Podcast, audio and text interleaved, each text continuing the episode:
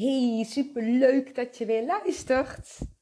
Nou, als je de vorige podcast hebt geluisterd, dan zou ik eigenlijk meteen die dag daarna een podcast gaan maken over verwachtingen. Maar um, er kwamen van allerlei dingen tussen. Ja, mijn punthoofd die verwachtte eigenlijk wel dat ik dat dus gisteren mm, zou hebben gedaan. Maar uh, nee, dat is dus niet gelukt. En uh, ga ik het vandaag hebben over verwachtingen. En daar is wel heel veel over te vertellen. Ja, dus um, ik weet niet of ik daar in één podcast uh, red. Volgens mij niet. Maar ja, we zullen het zien. En anders dan uh, maak ik gewoon twee of drie. Ik zie het allemaal wel. Maar um, ja, heel vaak ontstaan, um, ja, ontstaan problemen vanuit een verwachting die je hebt.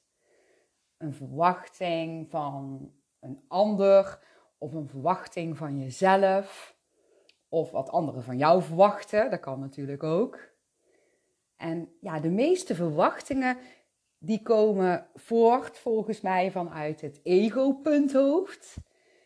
Maar ja, zoals ik het beleef, zijn er ook gevoelens die vanuit de ziel komen, waardoor dat je met je punthoofd een verwachting zou creëren. En dat vind ik wel leuk om even te vertellen hoe ik dat dan zie of voel of ervaar.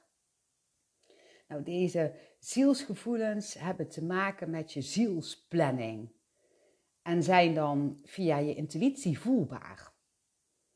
Je zou misschien het ook kunnen verwoorden naar een eh, intens verlangen wat je dan hebt, voelt. En dit verlangen wat je vanuit je ziel voelt, kan dan vanuit het ego-punthoofd een verwachting creëren.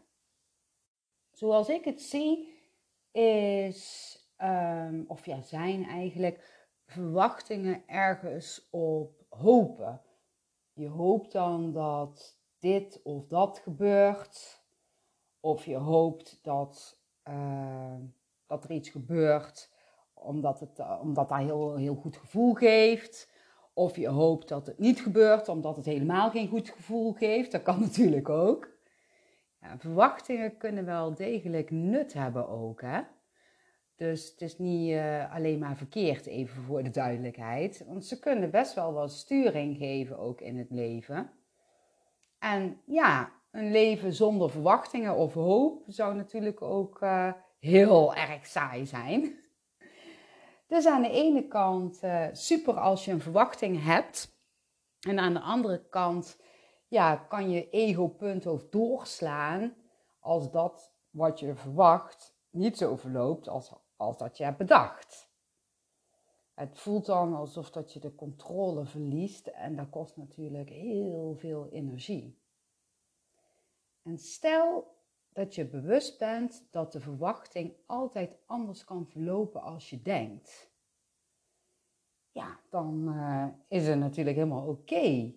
Dan zou je je best wel vrij kunnen voelen en ja, dan zal het ook wel heel veel rust geven. Ik geloof dat ja, als iets anders verloopt dan verwacht, dat dit dan ook de bedoeling is omdat het te maken heeft met de zielsplanning, zoals ik het zie. De zielsplanning die je hebt uitgekozen voordat je op de aarde kwam. De energie vanuit de bron, de bron daar bedoel ik mee waar we met z'n allen vandaan komen, die geeft je onbewust en soms bewust sturing. En stuurt dat op je pad wat je nodig hebt voor je ontwikkeling. Maar misschien geloof jij het anders, hè? dat kan natuurlijk ook. En dat is helemaal goed. Ik zeg wel vaker, blijf bij jezelf en neem alleen tot je wat goed voor je voelt.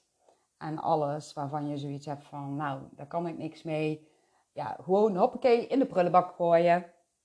Ik ga eens even een voorbeeldje geven. Dus even kijken welk voorbeeldje ik als eerste zal pakken, want ik heb er wel een aantal. Um, nou, je voelt dat je intuïtief gaat verhuizen. je intuïtie kan je hierover een uh, ja, gevoel geven, wat je onbewust of ergens misschien bewust oppikt. En dit gevoel komt dus eigenlijk voort vanuit de zielsplanning die je hebt gekozen toen je nog in de bron was. En stel dat je heel graag wil verhuizen, dan is er natuurlijk een heel leuk verlangen ook wat je voelt. En het gevoel voel je steeds iets bewuster. En dan zou je ook over verhuizingen na kunnen gaan denken. En je ego-punthoofd, die zou dan er een verwachting van kunnen maken. Bijvoorbeeld ehm, dat je punthoofd wil dat het huis wel heel snel op je pad gaat komen. Terwijl het misschien pas over een paar jaar is, als je de zielsplanning heel bewust zou voelen. Als het dan nog lang duurt voordat je huis dus op je pad komt, dan zou je punthoofd uh, ja, niet leuke gedachten kunnen aanmaken. Bijvoorbeeld, het lukt nooit om een huis te krijgen. De huizen zijn veel te duur. Of ehm, zie je wel, je hebt het helemaal niet goed gevoeld dat er een huis op je pad komt. En toch diep van binnenin voel je dat het ooit gaat komen en krijg je intuïtief een gevoel te voelen, zodat je toch op een of andere manier regelmatig naar huizen gaat kijken. Als het tenminste de zielsplanning is dat je gaat verhuizen. Je bent dus intuïtief voorbereid op wat er gaat komen, waardoor dat je ja, onbewust handelt, terwijl je punthoofd er van alles kan van vinden of van kan maken. Het zijn ja, gekke gedachten. En misschien vraag je je af, Wanneer is het nou mijn intuïtie die aangeeft wanneer er een verhuizing komt? Of wanneer is het punthoofd die ja, nogal drammerig aangeeft dat hij wil verhuizen?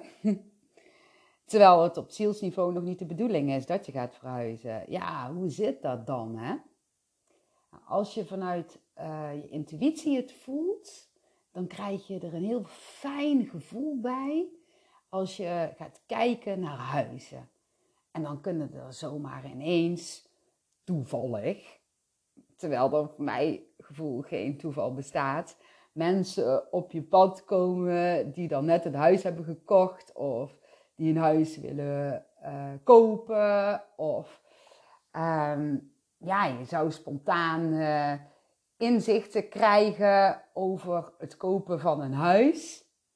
En als de verhuizing dan toch heel dichtbij komt, dan zou, ja, dan zou je bijvoorbeeld net een huis tegen kunnen komen waar een bordje te koop op staat. Hè?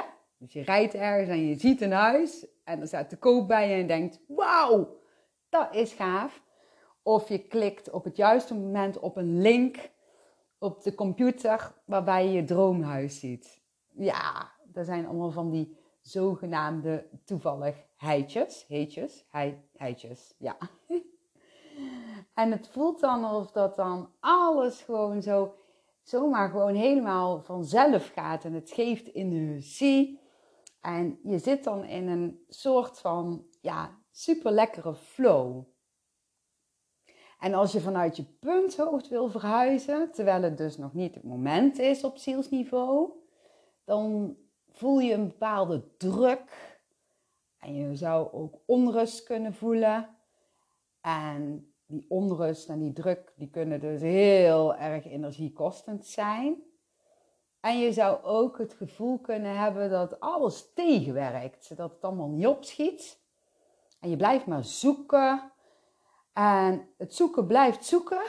En je kan het niet vinden. Dus dat is niet zo'n fijne flow. Ik ga nog een voorbeeldje geven. En dit voorbeeldje gaat over liefde. Stel je hebt een relatie waarin je niet happy bent. Of je hebt geen relatie en je hebt echt een, een zielsverlangen om je droompartner te vinden. Intuïtief voel je dat er iemand op je pad gaat komen die heel ja, heel liefdevol voelt. Een gevoel waar bijna ja, geen woorden voor zijn. Iemand die gewoon echt precies bij je past. Iemand waarbij je dus ja, um, volledig jezelf kunt zijn. En soms heb je niet echt de juiste woorden voor ja, iets wat verder gaat als het aardse.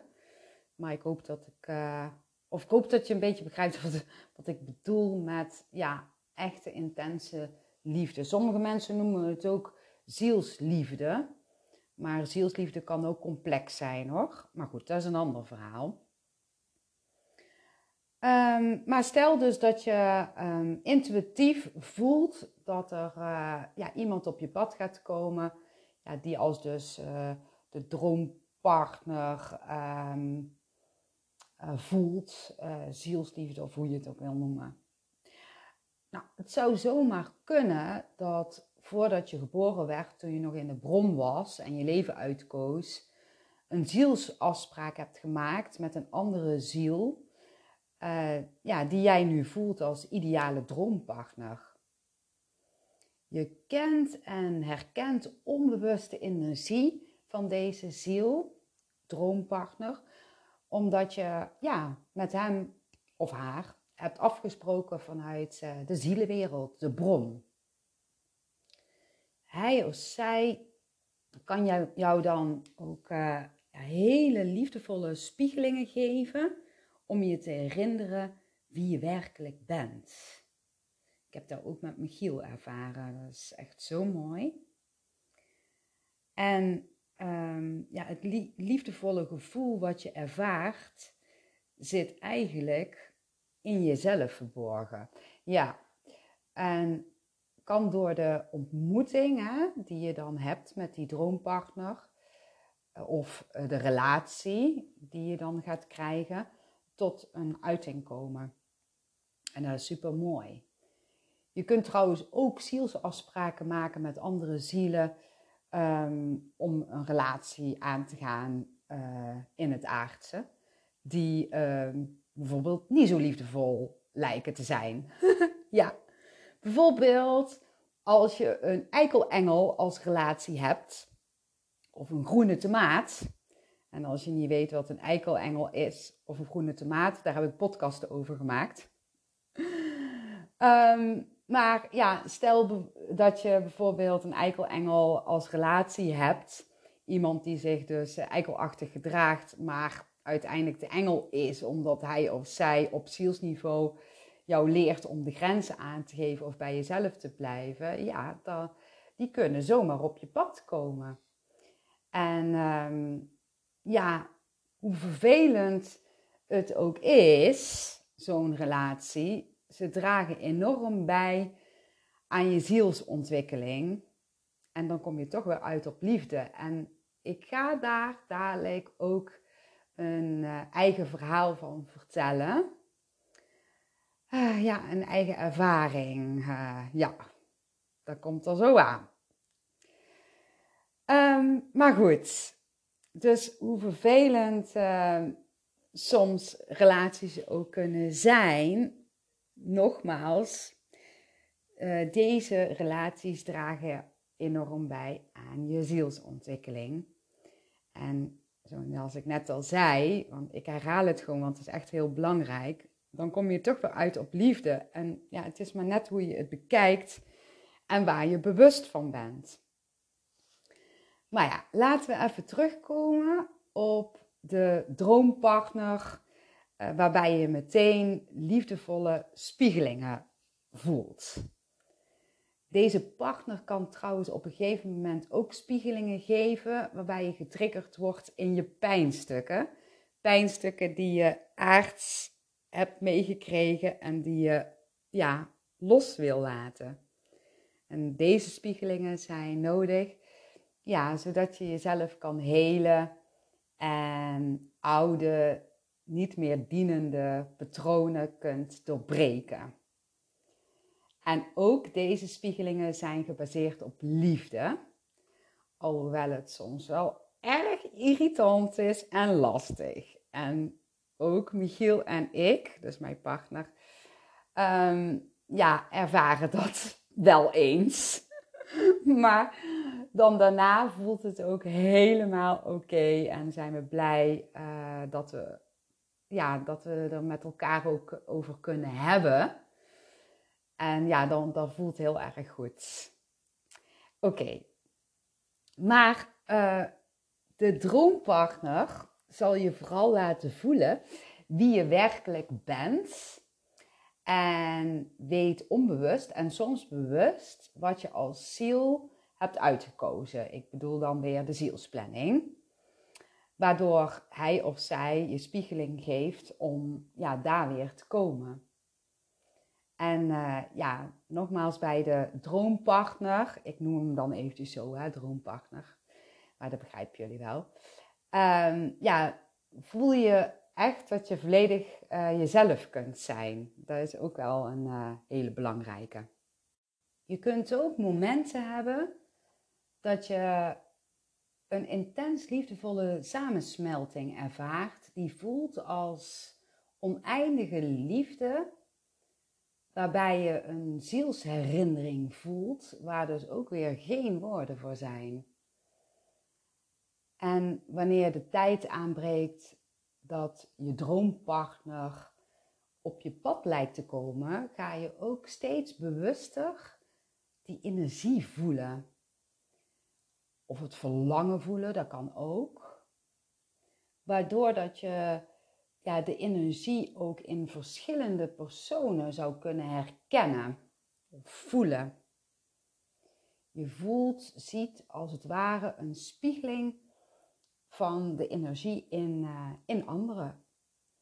En met andere woorden, als je iemand in het aardse ziet die lijkt op de zielsenergie uh, van de persoon die jij hebt gekozen, dan zou je kunnen denken dat dit de persoon is waar je op zielsniveau mee af hebt gesproken om een relatie aan te gaan. En je zou ook dus daarvan in de wacht kunnen raken als je merkt dat de ander dus niet beschikbaar is of toch niet zo passend is als je in eerste instantie dacht met je punthoofd.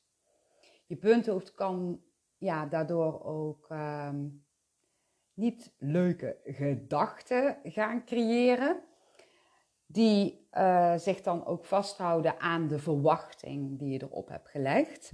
En ja, je zou jezelf afhankelijk op kunnen stellen van de ander, waardoor dat je dus jezelf verliest. En dat kan wel uh, heel heftig voelen. Het kan zelfs zo voelen als een rouwproces, zeg ik altijd. Als hier mensen op mijn pad komen die daarmee te maken hebben. En ik krijg nogal veel mensen op mijn pad die um, hiermee te maken hebben. Het is gewoon super heftig als je ja, liefde in iemand voelt, een, een zielsherkenning in iemand voelt en de andere is niet aards beschikbaar. Soms kan daar zelfs nog heftiger voelen als een rouwproces. En je kan de ander niet loslaten om um, ja, dat je steeds dat gevoel zo voelt waar je dus diep van binnen in naar verlangt. En misschien is dit proces ook wel nodig om je te herinneren om meer in je eigen kracht te gaan staan, uh, zodat je daardoor pas je droompartner uh, tegen kunt komen. Dat, dat zou kunnen, hè? Dat zou kunnen, hoeft niet altijd zo te zijn. En ja, je punthoofd die, die zal zeggen van ja, maar ik moet nu de ideale partner vinden om uh, ja, liefde en geluk te kunnen ervaren. Terwijl misschien het nodig is dat je liefde en geluk eerst in jezelf vindt. Nou, vaak uh, probeer je met je punthoofd denken uh, toch dan de relatie aan te gaan terwijl alles tegen zit. En het kost mega veel energie. En ja, het voelt eigenlijk helemaal niet goed ergens. En ja, punthoofd die verwacht gewoon dat de ander beschikbaar gaat worden. Ja, en uh, nogmaals, dat kost echt heel, heel veel energie. En sommige mensen zijn daar zelfs gewoon dag en nacht mee bezig.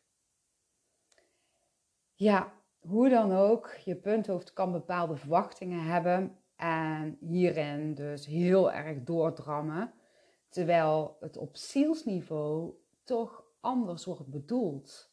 Maar dat is dan wel heel erg lastig als jij daar niet bewust van bent. En misschien dat ik daarom ook nu kom met uh, ja, dit voorbeeld.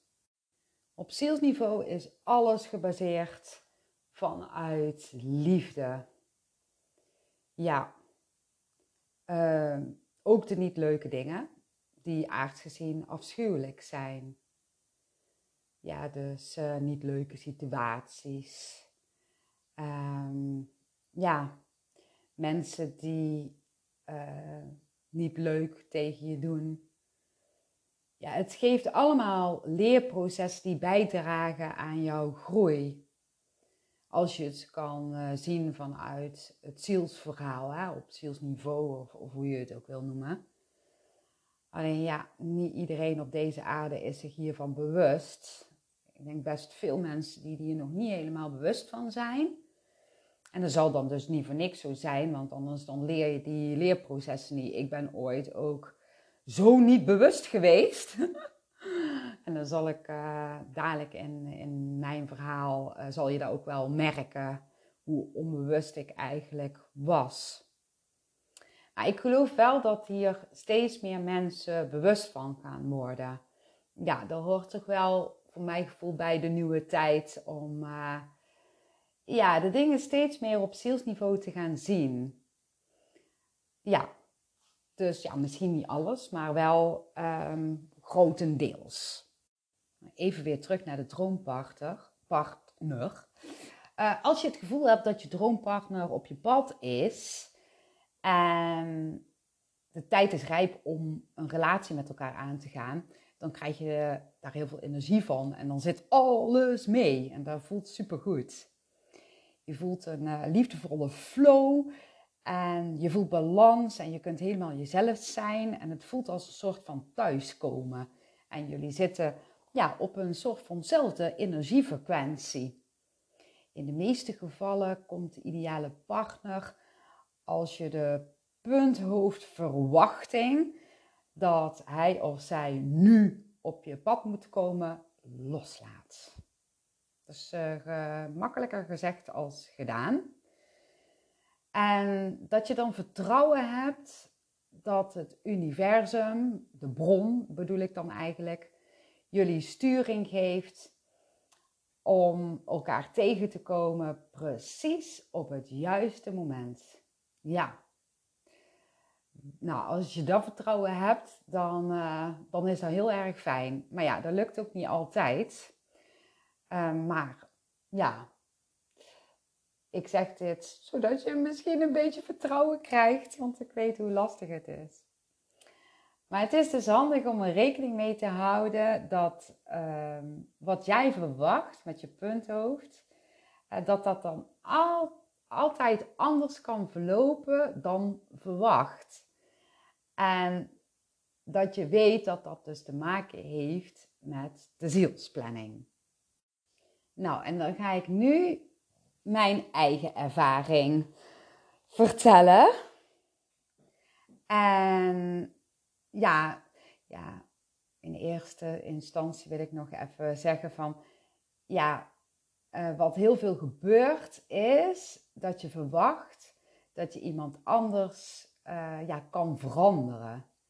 Je kan niemand veranderen, hoewel het punthoofd vaak denkt van wel. En ooit heb ik daar ook wel uh, gedacht. En zo heb ik ooit een relatie gehad waarin mijn partner mij wilde veranderen in eerste instantie. Omdat hij uh, heel erg bang was voor verlies. En uiteindelijk wilde ik hem veranderen in de hoop dat hij dan zou worden wie hij uh, ja, eigenlijk was op zielsniveau. Nou, toen we elkaar net ontmoetten, had hij een hele heftige uh, ja, verlieservaring net achter de rug. En het had te maken met, ja, met, met een dood, met de dood, sorry, van een geliefde van hem. En ja, ik vond dat gewoon heel, heel erg voor hem. En ehm, voelde ook de energie van de overleden dierbare, uh, die uh, ja, heel duidelijk liet voelen ehm, dat, dat hij er energetisch nog, nog was voor hem. Snap jullie nog wat ik bedoel? Dus degene die ik had ontmoet, uh, waar ik dus een relatie mee aan was gegaan, die had dus iemand verloren en uh, ik voelde dus de energie van diegene.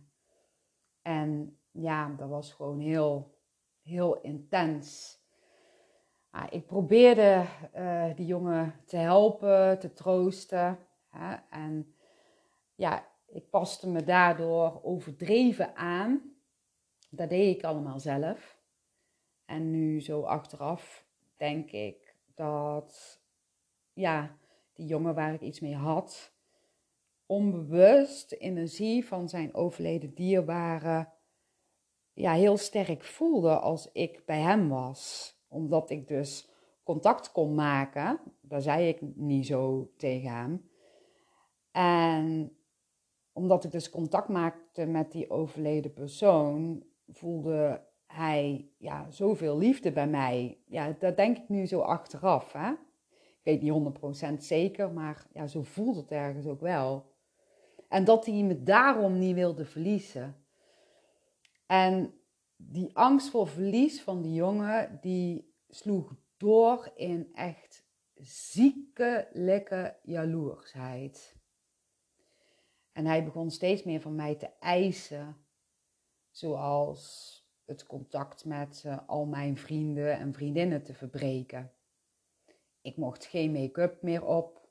Ik moest mijn haren op een speciale manier doen en mocht alleen kleding dragen waarbij mijn billen en borsten niet zichtbaar zouden zijn.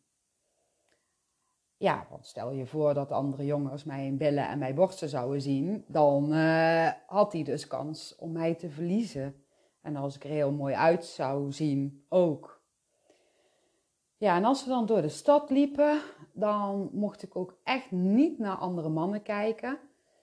En als ik dan iemand tegenkwam die ik kende, dan durfde ik die op een gegeven moment ook helemaal niet meer te groeten omdat we dan ruzie kregen. En hij begon ook ruzie te maken met degene die ik dan groette. Dat was al een paar keer gebeurd. Dan ging hij er gewoon op af. En dan ging hij zeggen gewoon tegen die, die jongen hè, die mij dan groette.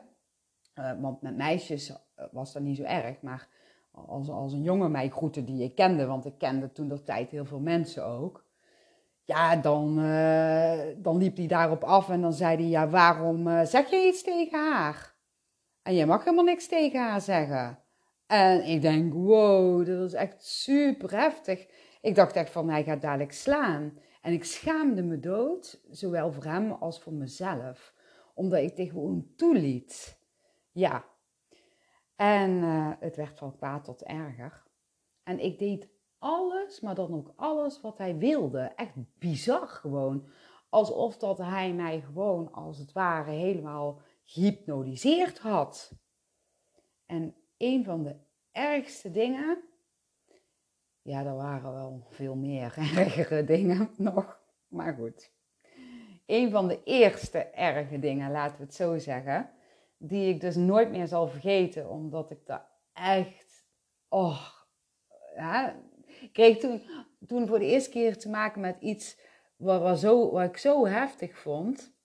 Nou, dat was Um, uh, iets wat ik dus ook nooit meer zal vergeten. Ik had een, uh, een super mooi spijkerjasje gekocht. Ja, en ik was echt helemaal verliefd op dat jasje. Ik had dat zonder hem gekocht. Vond hij, hij vond dan niet leuk dat ik, dat ik die middag, uh, of middag, ja, dat was, ja, nou, ik weet niet precies wat het, wanneer ik dat jasje had gekocht natuurlijk, want dat is echt al, al eeuwigheid geleden in mijn vorige leven zeg ik altijd zo, maar het is nog wel in dit leven. Maar goed, het doet er niet toe wanneer ik mijn jasje heb gekocht. Ik wist het niet meer precies, maar ik had het zonder hem gekocht. En daar was hij al niet blij mee dat ik um, die dag of middag weg was. Maar ik had het van mijn eerste verdiende salaris, had ik een spijkerjasje gekocht met van die franjes. Zo'n soort van western look. Nou, en uh, ik was helemaal uh, trots. En vol trots liet ik dat aan hem zien. En het eerste wat hij zei was: Van wie heb jij dat gekregen? En hij geloofde niet dat ik daar zelf had betaald. En zijn punthoofd die sloeg helemaal door. Echt niet normaal. Hij geloofde gewoon in zijn eigen verzonnen punthoofdgedachtes.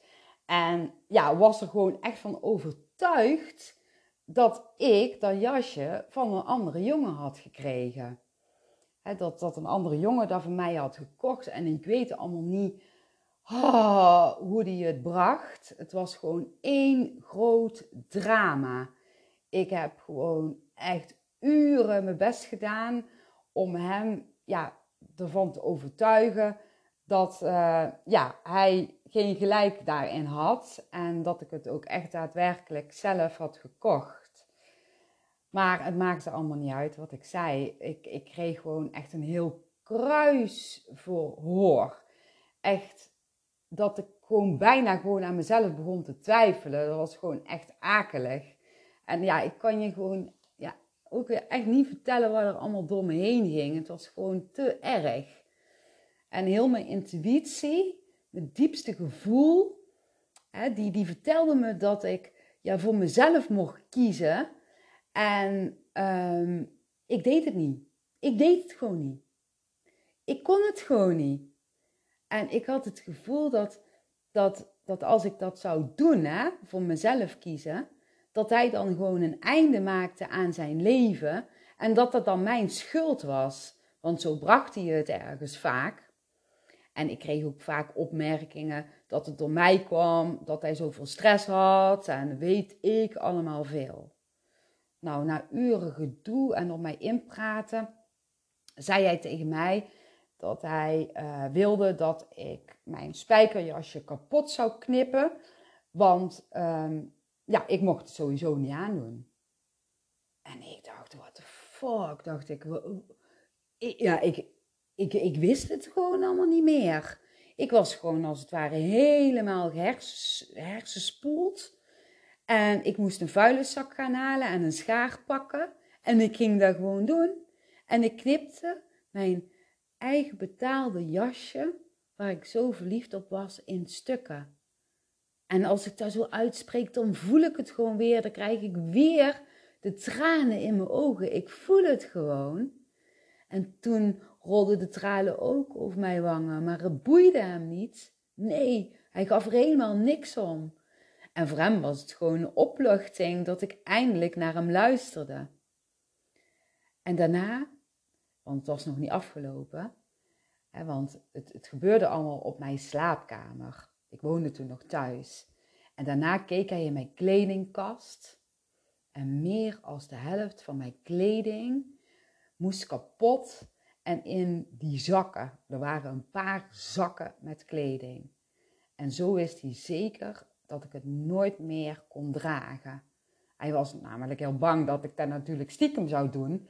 En ehm, hij had mij ook al vaker uh, niet geloofd, zeg maar, dat ik. Uh, dat, dat, dat, hij zei, dat hij zei van, ja, ik heb jou in de verte gezien en je had dat truitje aan en dat truitje was te kort. En dat was helemaal niet waar.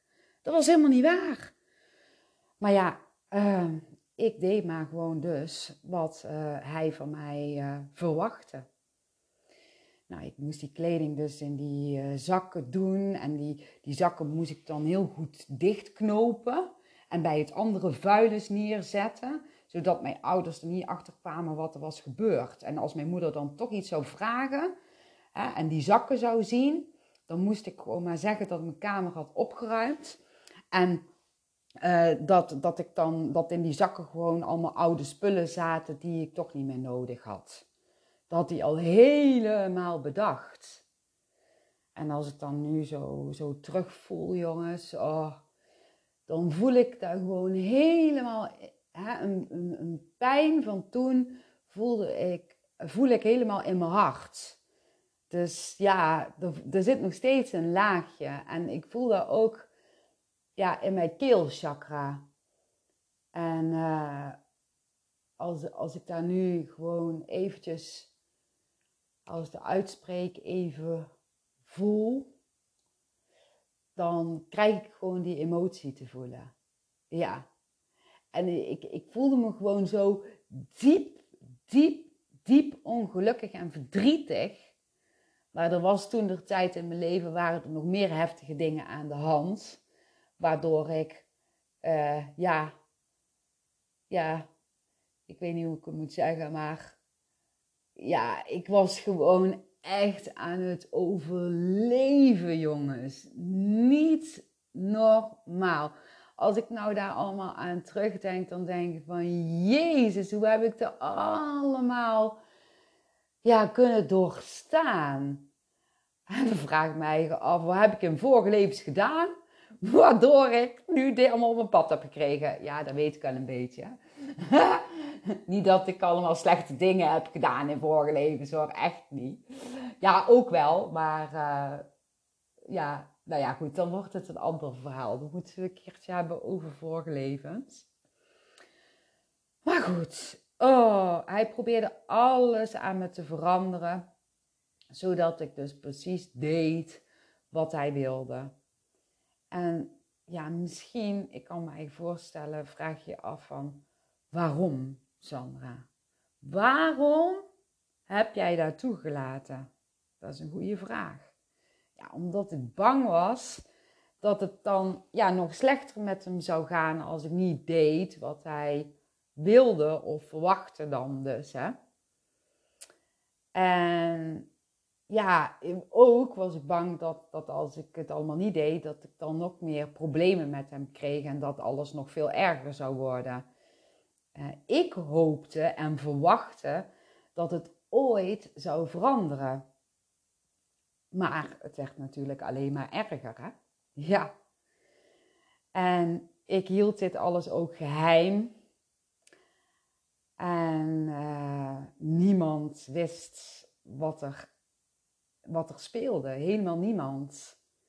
Daarom voel ik ook zo die keelchakra. Hè? Dat was echt, jongen, die was toen helemaal geblokkeerd. Ik heb jullie toch wel eens ooit verteld dat ik meer dan een jaar mijn stem kwijt ben geweest. Nou, dat had hier ook mee te maken. en nu voel ik het ook echt op mijn stembanden even slaan. Maar dat is goed dat ik dat voel. Want ik voel dat ik gewoon daardoor ook meer een diepere laag heel. Ja. Maar ik schaamde me en durfde het dus tegen niemand te vertellen. Omdat ik dus ook wist dat hij dan uh, ja, heel erg boos zou worden. En het duurde jaren, deze relatie. En aardsgezien begreep ik niet, nog steeds niet waarom ik het zo ja, vol heb gehouden. Tot ik vandaag hierover ja, een super inzicht kreeg. De, de, de, eerste inzichten hierover kreeg ik uh, in mijn bijna doodervaring. En ik zal dadelijk vertellen wat het inzicht van vandaag uh, was. Ja, eerst dus in mijn bijna doodervaring. Ik voelde in mijn bijna doodervaring, en dat is ook weer heel lastig om te verwoorden, uh, bepaalde energietrillingen, waardoor ik dus inzichten kreeg uh, dat hij mij uh, ja, wilde ver veranderen uit angst voor verlies. En um, ja, daardoor legde hij dus hele hoge verwachtingen op mij. En dit was dus voor mij een leerproces om ja, voor mezelf op te komen. En ook een bepaalde ervaring op te doen die ik in de toekomst nodig zou hebben. Uh, dus um, ja, kan je wel zeggen dat het uh, geen kleuterlesje was of zo. ja, ik werd me ook uh, bewust dat ik hem dus probeerde te veranderen terwijl zijn ziel niet rijp was om de verandering aan te gaan. Ik voelde onbewust waar zijn ziel uiteindelijk naartoe wilde gaan toen der tijd. En wist dat er dus ooit een moment zou komen dat hij bewust zou worden dat zijn gedrag alleen maar schade op zou leveren, zowel voor de ander, mij, als voor hemzelf. En wanneer dat dit bewust moment zou komen, was volkomen onduidelijk. En ik dacht dat dat dus heel snel zou zijn. Dat verwachtte ik toen. Uh, ik had daar gewoon helemaal totaal geen zicht op. En ik hoopte telkens weer dat hij dit in zou gaan zien. En ik bleef maar volhouden en volhouden. En het kostte me alle energie. Ik ging eraan kapot. En hoe meer dat ik wilde dat hij het zou zien en er bewust van zou worden, hoe erger dat hij werd. En ik verloor dus echt mezelf. En oh, ik was kapot. En toen kwam er een keerpunt. Het heeft lang geduurd hoor. Maar er kwam een punt dat ik voor mezelf ging kiezen. Ja, en het inzicht was dat ik een ander niet kan veranderen. Simpelweg omdat uh, zijn ziel dit trage rijpingproces had uitgekozen om zich te kunnen ontwikkelen. En misschien zou hij uh, nog wel meerdere levens nodig hebben om hier bewust van te kunnen worden. Ja, dat is de vraag. Ja, je kunt dus soms gevoelens van iemands ziel oppikken in het vooruit, waardoor je denkt met je punthoofd dat het nu al mogelijk is. Als je iemand bewust wil maken uh, in de hoop dat hij gaat veranderen daardoor, hè, dus dan leg je er een verwachting op, dan kost dat heel veel energie. En ja, dan zou ik zeggen, ja, laat het los. Ja, leg focus op je eigen mooie energie en ga alsjeblieft doen waar je blij van wordt. Maar ja, het is gemakkelijker gezegd als gedaan. Ik heb echt heel veel van hem geleerd, achteraf gezien. Hè? Want op dat moment was ik echt aan het overleven. En aards gezien zou je kunnen zeggen, wat een klootzak. En ja, ik heb hem gehaat. Ik heb hem echt gehaat. En ik heb zelfs op het punt gestaan om hem te vergiftigen. Ja, echt waar. Daar ga ik verder niks over vertellen. ik heb het niet gedaan, maar ik heb wel op het punt gestaan. Ja, echt zo erg. Want ik wilde er vanaf. Maar ja, dat was natuurlijk niet de manier om er vanaf te komen. En ik had zoiets van, ja, het is misschien, het klinkt een beetje grappig, maar volgens mij ben ik in vorige levens, ben ik echt wel meerdere keren zo'n heks geweest die allerlei mengseltjes maakte. En op een of andere manier, ja, kan ik heel goed voelen wat giftig is of zo. Maar goed, dat is weer een ander verhaal. Hé, hey, maar op zielsniveau bekeken, ja, ben ik hem eeuwig dankbaar voor de wijze lessen die ik door middel van hem mocht ontvangen. Ja. Het heeft me helemaal in mijn kracht gehaald om uiteindelijk heel sterk in mijn kracht te komen. En ja, nu achteraf gezien kan ik daar alleen maar weer dankbaar voor zijn. En weet je wat ook zo mooi is? Want dat wilde ik dus nog vertellen. Ik vertelde ja, aan mijn bonusdochter um, ja, vanmiddag dat ik dit verhaal wilde delen in de podcast. En toen begon ik dus uh, strakjes een stukje te vertellen tegen haar. Ze, ze kent het verhaal wel een beetje. Want ja, ik ben altijd gewoon heel eerlijk geweest naar mijn kinderen. Terwijl ik niet um, uh, slecht over uh, die relatie heb gesproken. Dus ik heb ook altijd het, het, het goede van dit verhaal verteld aan mijn kinderen.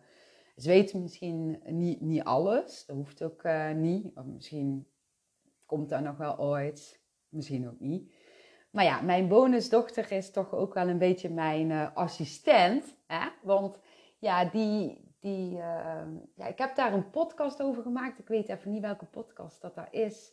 Ja, die gaat geloof ik over mediteren. Nou ja, goed, dat is een heel verhaal, maar dat ga ik nou even niet vertellen. Maar ik was dus met haar ehm, in gesprek vanmiddag hierover. En um, ja, dat was gewoon heel mooi om dat te delen, een stuk met haar. En um, ja, ik voelde, ik voelde gewoon dat, dat doordat ik dat aan het uitspreken was, dat er ook van alles gebeurde. Ik kreeg ook heel erg uh, het gevoel op mijn hart te voelen en op mijn keel. En um, ja, ik begon mezelf uh, een beetje ja, intuïtief vragen te stellen terwijl ik gewoon met het gesprek bezig was. En daarna ging het gesprek over, over naar een heel ander onderwerp. En um, ja, Lieke en ik, zoals weet mijn bonusdochter, wij gaan, uh, ja, wij doen wel zoiets ook echt samenwerken wat betreft um, dingetjes uit de praktijk. En um, zij is zich ook heel erg aan het verdiepen al enige tijd in familiesysteemopstellingen en alles wat daarbij hoort. En ze heeft er ook heel veel al mogen ervaren. En dat vinden ze allemaal zo leuk. En um, ja, wij gaan binnenkort ook een training uh, geven. Die zit al vol. Maar in het najaar dan gaan we er nog wel een aantal inplannen. Want dat is echt zo super leuk. Maar goed, het onderwerp ging dus ineens um, naar een ander onderwerp. Of van het verhaal wat ik aan het vertellen was, gingen we ineens naar een ander onderwerp.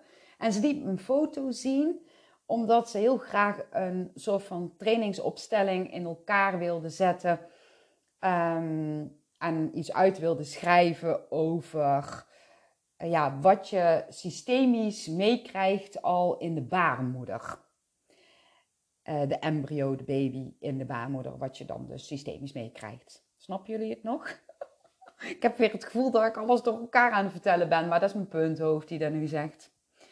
Nou ja, op de foto, uh, want ze, ze liet me dus een foto zien. En op de foto stond een uh, zwangere vrouw, gewoon getekend, met een potloodje.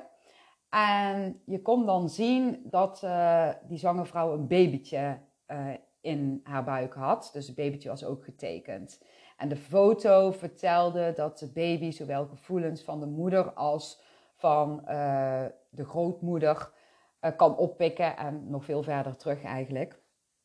Waardoor dat bijvoorbeeld jij als uh, baby traumagevoelens kunt oppikken in de buik van je moeder.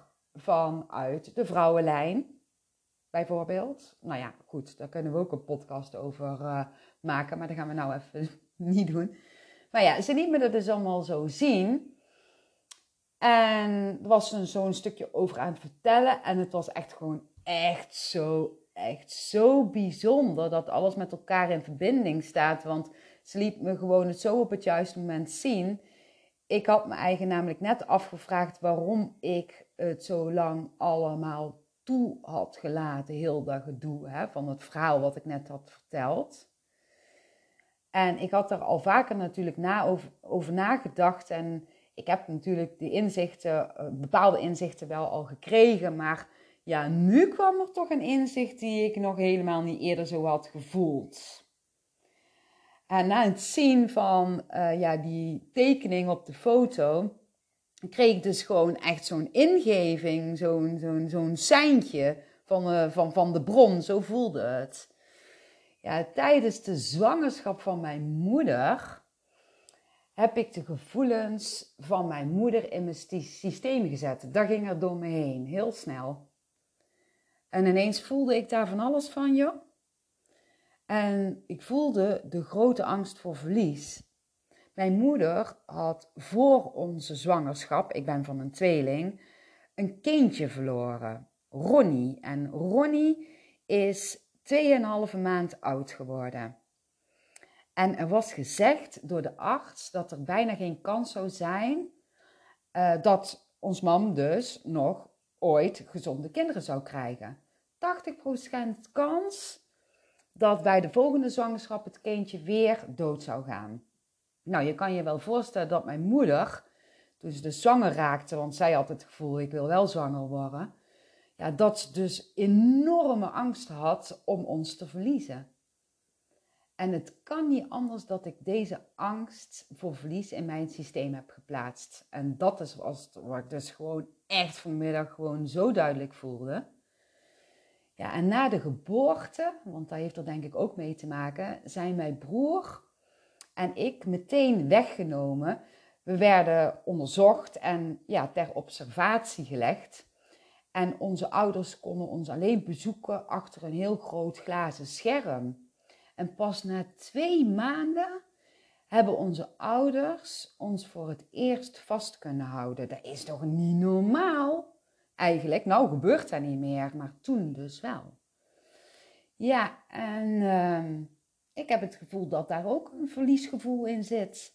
Het niet kunnen hechten aan de ouders. Ja, daar zit iets, daar zit iets. Ja, dus het is echt, uh, echt bizar dat dat dan gewoon zo allemaal zo gebeurt vandaag.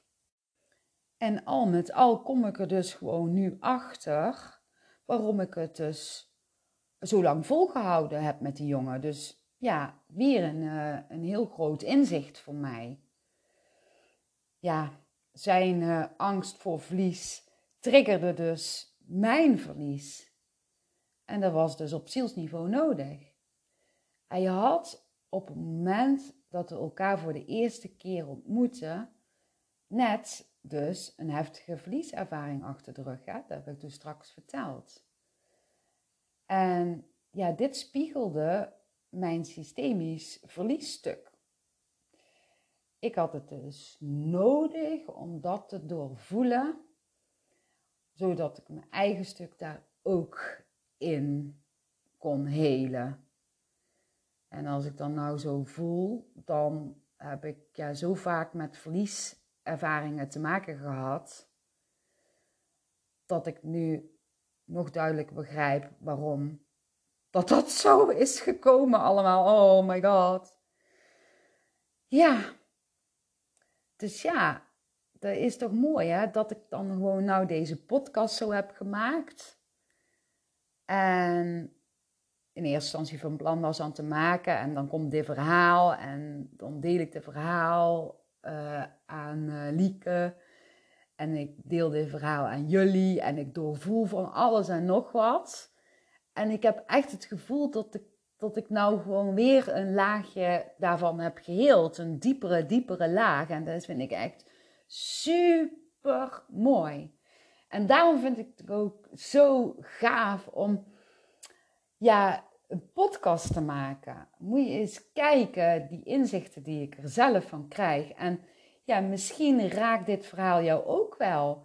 En heel je onbewust of bewust ook een stukje. En zo staat alles met elkaar in verbinding. Dat geloof ik echt. Niets is voor niks. Niets is voor niets, bedoel ik dan? Ja. En, en, en alles komt op het juiste moment. Ja, eigenlijk wilde ik uh, nog veel meer vertellen over verwachtingen. Maar ja, zo zie je maar dat het altijd anders gaat dan dat je verwacht. En ja, dat, dat dit best wel een lange podcast is geworden. Maar ik vind het wel gewoon heel erg mooi om, om even nu met, met, met dit inzicht ja, af te sluiten. En ja, dan ga ik gewoon in de volgende podcast weer terugkomen met volgende verwachtingen, verhalen. Ja, maar daar moet je dan niet veel van verwachten, hè? ja, dat was wel grappig, uh, grappige tekst, toch? ja. Hey, lieve allemaal, super dankjewel voor het luisteren. Ik hoop dat je ja, de podcast uh, als fijn hebt ervaren en heel graag tot de volgende keer. Doei doei!